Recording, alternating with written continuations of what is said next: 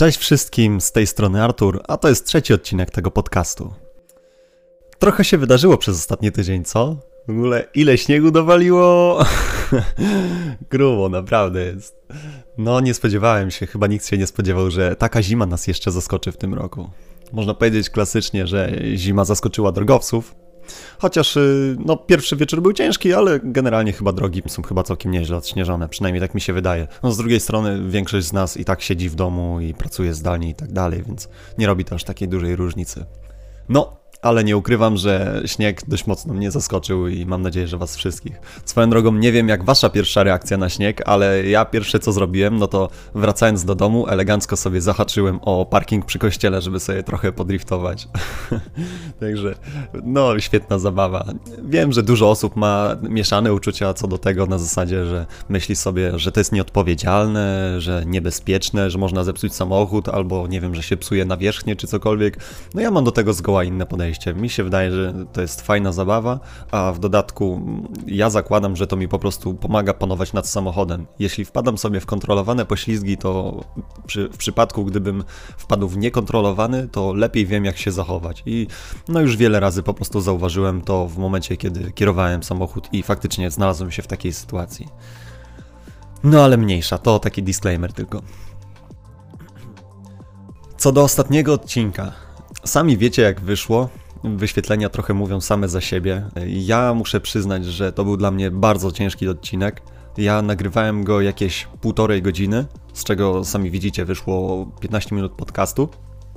Cały problem wynikał z tego, że ja napisałem sobie cały tekst, i potem słusznie ostrzegała mnie dziewczyna, że Artur, uważaj, że jeżeli będziesz czytał tekst, no to ludzie to zauważą i nie będzie to takie fajne. Zdawałem sobie z tego sprawę i próbowałem nagrać e, swoimi słowami cały podcast. No, niestety efekt był dość mierny, no bo za każdym razem, kiedy próbowałem coś powiedzieć, to wydawało mi się to nie dość dobre. Więc e, po pół godziny nagrań nie miałem absolutnie nic no, sami rozumiecie, w momencie, kiedy nagrywasz pół godziny i nagrałeś półtorej minuty, no to jest to dość słaba wydajność, a z racji, że ja ten podcast robię pro bono, no to no ja nie mam tyle czasu, żeby sobie pozwolić na takie marnotrawstwo. No i w końcu się wkurzyłem, wziąłem tekst i starałem się go w miarę naturalnie przeczytać, przy tym jeszcze dodając od siebie jakieś wtrącenia i swoje przemyślenia. Teraz już wiem, że drugi raz na pewno tak nie zrobię. Zresztą widzę to nawet w tym momencie, kiedy nagrywam, że kiedy mam po prostu wypisane punkty, to od razu w sposób naturalny mówię to, co chcę powiedzieć. Na pewno będzie przyjemniejszy odbiór takiego tekstu. A skoro już jesteśmy przy dzisiejszym odcinku, to sam pewnie zauważyłeś, że nazwa dzisiejszego podcastu to LGBT co jest skrótem o lubię gadać bez tematu. ja założyłem sobie, że będę markował każdy z formatów, a mam ich 4 albo 5, jak wspominałem w poprzednim odcinku. Zakładałem, że każdy z formatów będę markował jakimś takim popularnym skrótem. A przechodząc już do głównej tematyki dzisiejszego odcinka. Obiecywałem wam ostatnio, że opowiem o tym, jak żyje Musk, o tym, jak pracuje i że sam postaram się przetestować jego zasady życia i opowiedzieć wam o tym, jakie są moje wobec tego odczucia. No to lecimy, nie ma co przedłużać. Przede wszystkim, Musk pracuje po 80 albo i 100 godzin w tygodniu. Sami rozumiecie, że ten człowiek ma pod sobą dwie bardzo duże firmy, które prosperują, działają i rozwijają naprawdę poważne projekty, plus tam inne, czyli The Boring Company i Hyperloop i inne firmy. Więc dla niego praca po 80-100 godzin to faktycznie wydaje się taki must have. Ja muszę się przyznać, że próbowałem to wdrożyć. Oczywiście ja i tak dość sporo, szczerze mówiąc, pracuję, z racji, że rozwijam swoją firmę, z racji, że pracuję na etacie i jeszcze robię dodatkowe rzeczy jak podcast i tam jakieś swoje hobby rozwijam. Więc nie policzyłem dokładnie, ile mi schodzi czasu na realizację tych wszystkich rzeczy, ale wydaje mi się, że to podchodzi pod około tą liczbę co u Elona Muska. Kolejna rzecz. Elon Musk ma zasadę w swoim życiu, że budzi się o 7 rano, gdzie idzie spać o pierwszej w nocy, czyli śpi około 6 godzin. Wydaje mi się, że 6 godzin snu to jest takie absolutne minimum, które należy spać i żeby dobrze funkcjonować, a 7 godzin to jest w ogóle optymalnie, że jeśli śpisz 7 godzin, to jesteś w stanie funkcjonować tak cały czas. Na swoim przykładzie wiem, że kiedy spałem przez długi czas tylko po 6 godzin, to po tym okresie takim intensywnym byłem strasznie wypompowany. Jak przez pół roku spałem po 6 godzin codziennie albo i mniej, to zacząłem zauważać u siebie fizyczne objawy niedospania. Ja byłem permanentnie zmęczony, czułem słabość w rękach i w ogóle taki absolutny brak siły, gdzie to było dziwne, bo ja regularnie chodziłem na siłownię i ćwiczyłem, grałem w piłkę i tak dalej, także żyłem dość aktywnie. Może z czasem się przyzwyczaję do tych 6 godzin i będę w stanie dobrze z tym funkcjonować, ale póki co 7 godzin to jest takie optimum dla mnie. A, a propos tego przyzwyczajania się, jest zasada dość popularna, która mówi, że aby wyrobić sobie taki nawyk wystarczy 21 dni. Swoją drogą, ciekawa jest geneza tej zasady, ponieważ za autora przedstawia się chirurga Maxwella Malca, który badał na swoich klientach, po jakim czasie po wykonaniu operacji przyzwyczajali się do swojej nowej twarzy czy tam innej części ciała, która była modyfikowana. No i tak zaokrąglając, średnio by wyszło, że po około 21 dniach klienci już nie zauważali tam różnicy albo byli już przyzwyczajeni do różnicy w swoim życiu. Stąd wzięła się zasada, że aby wyrobić sobie jakiś nawyk potrzeba 21 dni, ale wykonano już wiele badań, które zaprzeczyły tej tezie. Kolejna rzecz. Elon Musk nie je śniadań. I to było dla mnie bardzo trudne, bo ja zawsze żyłem w przekonaniu, że śniadanie jest najważniejszym posiłkiem dnia i potrzebne jest, aby mieć siły na cały dzień. Przeczytałem badania, które wykazały, że jedzenie śniadania nie jest wcale konieczne i nie ma tak dużego wpływu na nasz organizm, jak na przykład niezjedzenie obiadu. Podobno w okolicach obiadu organizm odczuwa dużo większy głód. W każdym razie ja wiem na sobie, że to nie zadziałało. Próbowałem nie jeść śniadania, ale w pewnym momencie zauważyłem, że ja po prostu umieram i jestem bezproduktywny. Myślę o tym, żeby coś zjeść, więc poszedłem, zjadłem i, i porzuciłem ten głupi pomysł. Więc nie polecam, ale jeśli ktoś chce spróbować, może dla niego akurat będzie to dobre i u niego się sprawdzi. Kolejna rzecz i najbardziej ciekawa to system produktywności Elona Muska.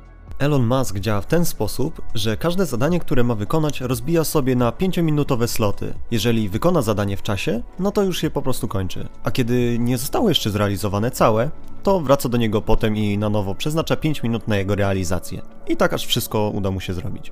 Muszę przyznać, że u mnie to zadziałało bardzo fajnie i faktycznie stałem się dużo bardziej produktywny, jednak zauważyłem też pewną różnicę, a raczej pewną komplikację. Otóż Elon Musk raczej ma zadania na zasadzie, że on musi o czymś pomyśleć, on musi o czymś zdecydować, on musi przeanalizować rzeczy. On nie ma zadań, które wymagają od niego jakiegoś konkretnego działania, czyli on nie musi, nie wiem, przygotować, no tak jak w moim przypadku, ja jestem projektantem, tak, to ja muszę przygotować rysunki, ja muszę przygotować powiedzmy raporty, zestawienia, obliczenia. Jeżeli ja bym poświęcał tylko 5 minut na zadanie, no to niestety nie zrobię za wiele. Więc u mnie ten system produktywności bardzo fajnie działał, kiedy ja sobie wydłużałem czas skupienia na dane zadanie kiedy sobie przeznaczałem na każde zadanie po około 10 albo i 15 minut, a potem zmieniałem, to pozwalało mi to być cały czas skupionym na zadaniu, być w takim flow roboczym, że tak to nazwę, i nie rozpraszały mnie inne rzeczy typu Facebook, odpisywanie na Messengerze. Cały czas byłem skupiony i byłem naprawdę bardzo produktywny dzięki temu. Kolejna rzecz to były ćwiczenia, czy tam jakieś aktywność fizyczna. To jest absolutne must have i uważam, że każdy człowiek powinien ćwiczyć w taki czy inny sposób jazda na rowerze, biegi, pompki, cokolwiek. W każdym razie należy ćwiczyć, bo kiedy człowiek w ogóle nie ćwiczy, to robi się taki skapciały i bez energii. Więc jeżeli planujesz spać po 6 godzin, przy tym w ogóle nie ćwiczyć, to jestem pewien, że ten system się u ciebie w ogóle nie sprawdzi, no bo nie będziesz miał na nic energii niestety. I to by było tyle, jeżeli chodzi o Elona Muska i jego zasady. W moim przypadku najbardziej sprawdził się jego system produktywności i zwiększył moją efektywność, a raczej wykorzystanie czasu ale myślę, że warto spróbować dać sobie szansę na to, żeby podziałać jak Elon Musk przez na przykład tydzień i zobaczyć, które zasady wobec nas się sprawdzają. A kolejna rzecz, i nie odbiegając za bardzo od Ilona Muska, a raczej miejsca, w którym teraz się znajduje, czyli Stany Zjednoczone, to co tam się w ogóle odwaliło? to ja nawet nie. nie mam pytań. Każdy już sobie myśli, dobra, skończył się 2020 rok, czas na trochę normalniejsze czasy, wszyscy trochę się teraz ogarniamy, wiecie, wszystko będzie lepiej. Każdy miał takie pozytywne myślenie, a tu nagle człowiek bizon, czy tam żubr, czy inny zwierzak, w każdym razie człowiek bizon przejmuje Biały Dom, no i dzieje się po prostu inba w Stanach Zjednoczonych. W dodatku ktoś chyba został postrzelony. Także no, gruba akcja się tam wydarzyła. Nie chciałbym za bardzo wnikać w tematy polityczne, czy tam kontekst polityczny tego wszystkiego, no ale wzięło się to z tego, że Donald Trump przegrał wybory, przynajmniej taki jest oficjalny wynik. Ludzie, którzy weszli do Kapitolu, nie zgadzali się z wynikiem wyborów. No nie można sobie, nie można tak od tak sobie wejść do Białego Domu no, naruszać tam prywatności prezydenta i w ogóle zaburzać działania rządu, jakby nie patrzeć. Efekt całej akcji jest taki, że Donaldowi Trumpowi zablokowali konto na Twitterze, co boję się, że może mieć złe skutki, bo nagle stanie się męczennikiem i będzie uwielbiany jeszcze bardziej niż był, albo ludzie, którzy go uwielbiali, będą jeszcze bardziej zatwardziali, jeszcze bardziej skrajni. No boję się, że może to mieć złe konsekwencje, ale no ale nie ma się co za bardzo nad tym rozwodzić. Stany tam, my tu i tyle. A propos my, nas i tutaj, Polska. Kamil Stoch wygrał turniej czterech skoczni. Wow, fajnie. W sensie naprawdę super, że udało mu się wygrać. Bardzo się cieszę z tego powodu i życzę jak najwięcej sukcesów wszystkim nam i panu Kamilowi też.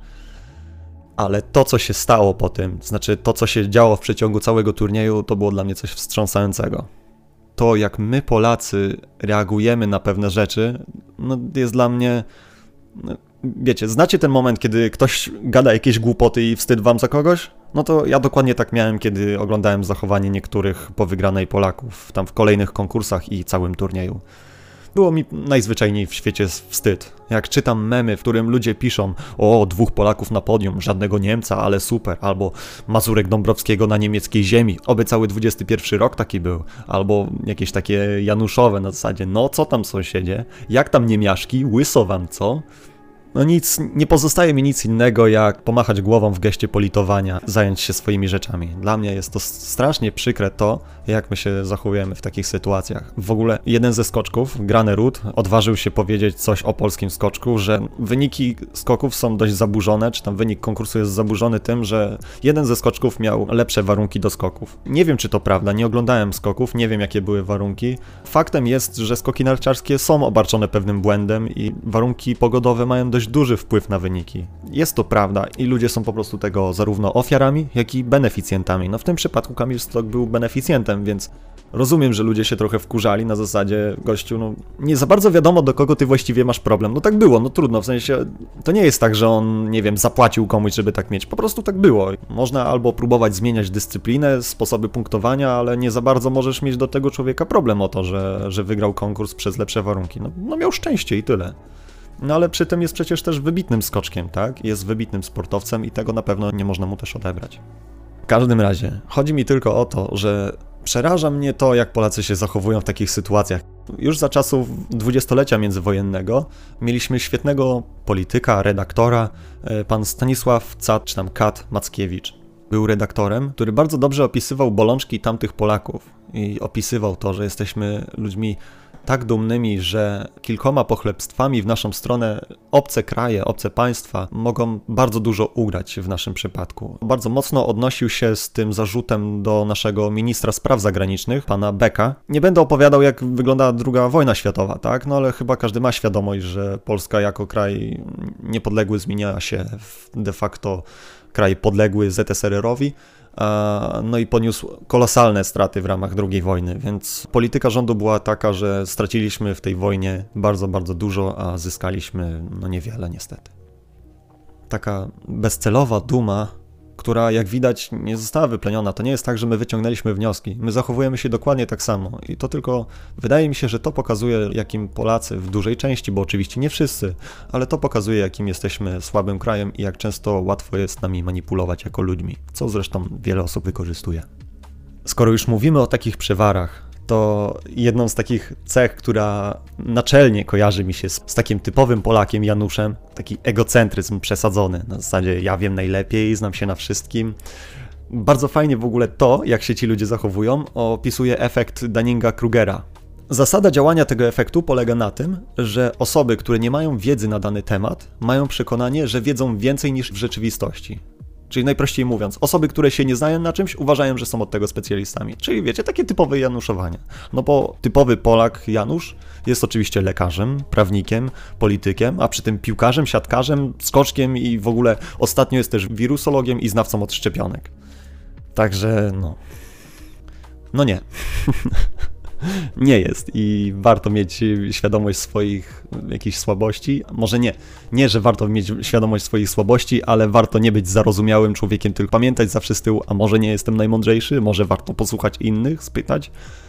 Otwartej głowy, tego nam wszystkim życzę jeżeli chodzi o jakiś taki aspekt psychologiczny, badanie samego siebie, to miałem ostatnio okazję wykonać test sam na sobie i razem z dziewczyną. Zrobiliśmy sobie test, który nazywa się 16 Personalities, czyli 16 osobowości. Test polega na tym, że w przeciągu 10-15 minut wypełnia się test, odpowiada na kilkanaście pytań dość prostych i na podstawie tych odpowiedzi ten test dość trafnie identyfikuje nas z konkretnym typem, dzięki czemu możemy się dość sporo dowiedzieć o sobie.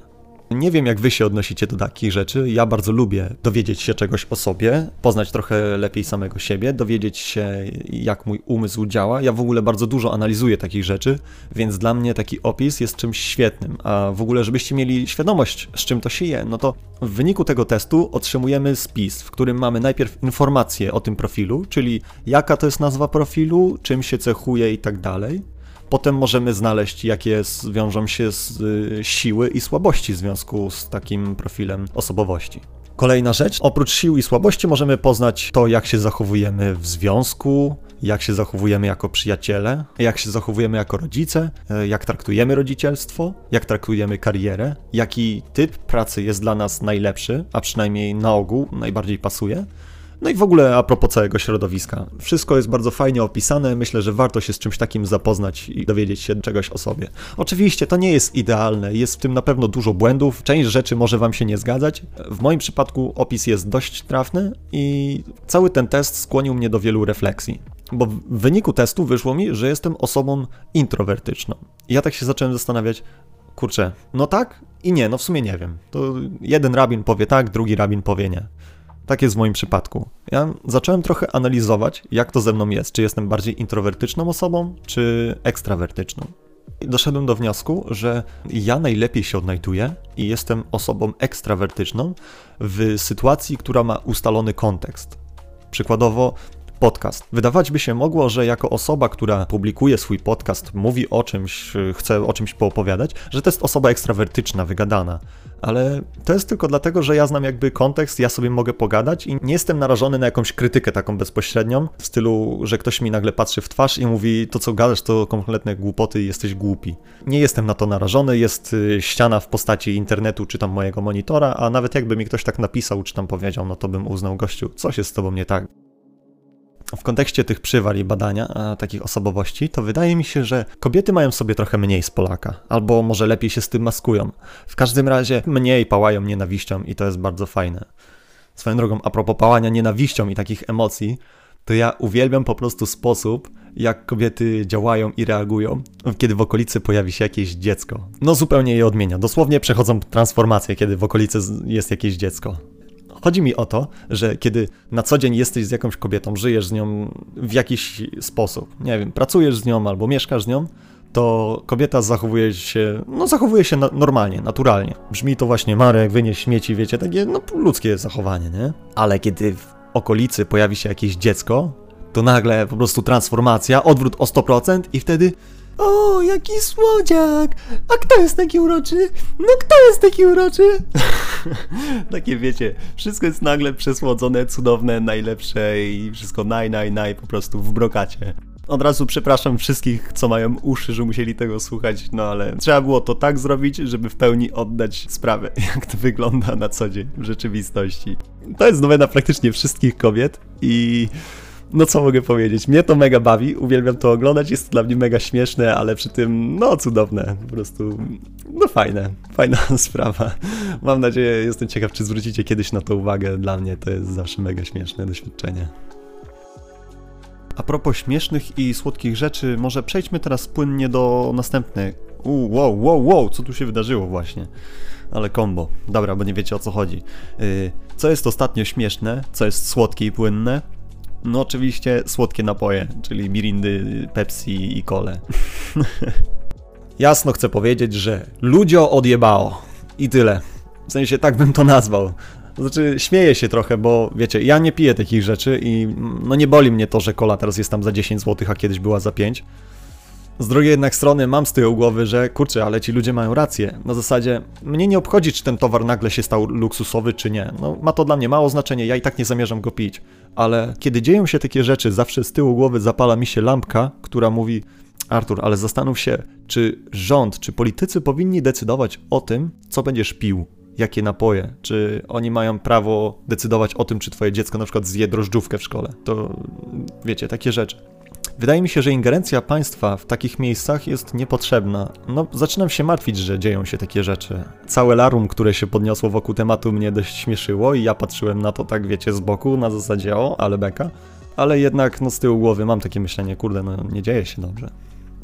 A jeszcze a propos polityki i niedziania się dobrze, wiecie, pandemia i nagle pojawiają się szczepionki. I to jest w ogóle dla mnie jedno wielkie WTF. Na zasadzie, ja czytam cały czas, ja się nie szczepię, nie wiadomo co za szczepionki, o, nie wiem, niebezpieczne i w ogóle i tak dalej, i tak dalej. Wszyscy w ogóle oburzeni, że się nie szczepią i w ogóle wszyscy marudzą. A nagle wchodzą szczepionki jakieś, zaczynają się pierwsze szczepienia i nagle okazuje się, że są jakieś osoby przywilejowane, typu politycy, jacyś celebryci i tak dalej. I nagle znowu larum, tłum, wiecie, z widłami stoi. Czemu oni są pierwsi? Na zasadzie, kurde, najpierw nie chcieliście, a teraz jak ktoś inny poszedł, dał wam fajny przykład, tak mi się wydaje, bo ja jestem za szczepieniem.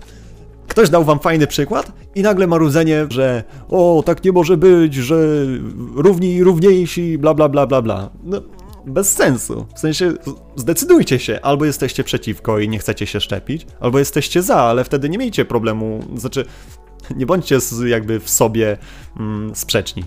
Albo jesteście za czymś, albo nie, a nie. To jest swoją drogą bardzo polskie. Tak źle, tak niedobrze. Nie chce się szczepić, ale innym też nie da. Aj, Polska i Polacy, coś cudownego, naprawdę. Człowiek czasami chce wyjechać i marudzi, ale to jest piękny i okropny jednocześnie i ciężko mi by było bez tego żyć, szczerze mówiąc. Dobra, chyba tyle pogadane dzisiaj trochę.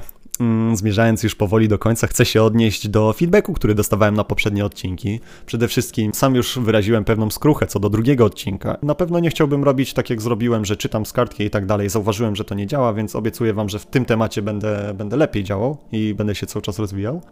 Inna rzecz. Dostałem bardzo miłe wiadomości, dwie, nawet trzy.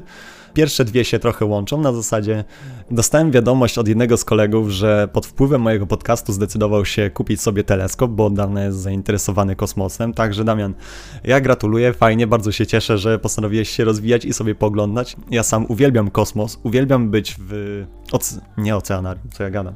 Uwielbiam być w planetarium w Toruniu, uwielbiam sam patrzeć w gwiazdy i w te wakacje miałem dużo okazji, żeby sobie pooglądać kosmos. Zawsze mnie to skłania do refleksji bardzo to lubię i bardzo się cieszę, że kupiłeś sobie teleskop, tylko trzymaj się tego i nie rzucaj w kąt za chwilę, tylko rozwijaj pasję i czerp z niej radość.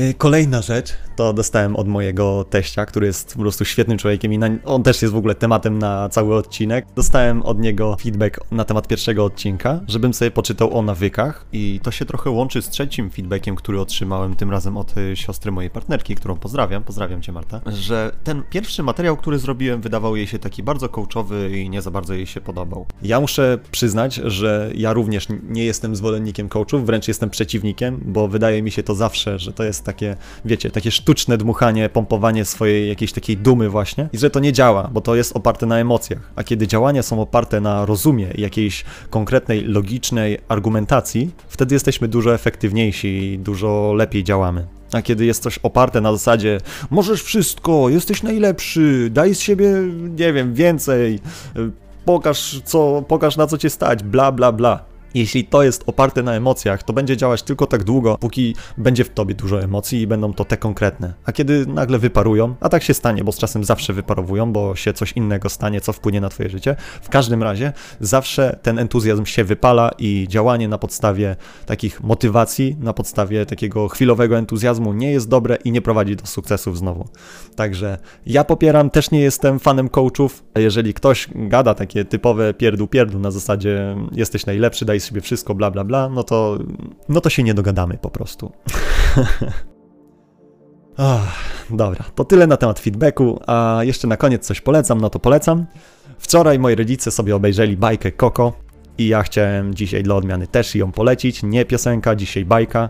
Osobiście bardzo lubię bajki, lubię bajki, które oglądałem w dzieciństwie, lubię oglądać nowe, mimo że mam 25, zaraz 26 lat, to nadal bardzo je lubię i wspierają nadal moją kreatywność niosą wartościowy, fajny przekaz i warto sobie oglądać bajki, nieważne w jakim wieku jesteś. A bajka Koko jest świetna, bo ma świetną oprawę graficzną, bardzo fajną muzykę, a do tego jeszcze niesie ze sobą głęboki i taki pozytywny przekaz, który pozytywnie nastraja i daje taką energię do życia, ale też przy tym przypomina nam, co w życiu tak naprawdę jest ważne. A w tym odcinku ważne jest, że właśnie dobiega końca. Mam nadzieję, że przyjemnie się Wam słuchało. Jeżeli macie jakieś uwagi do mnie lub propozycje, co mogę zrobić, to śmiało piszcie na priv albo w komentarzu, czy tam na maila.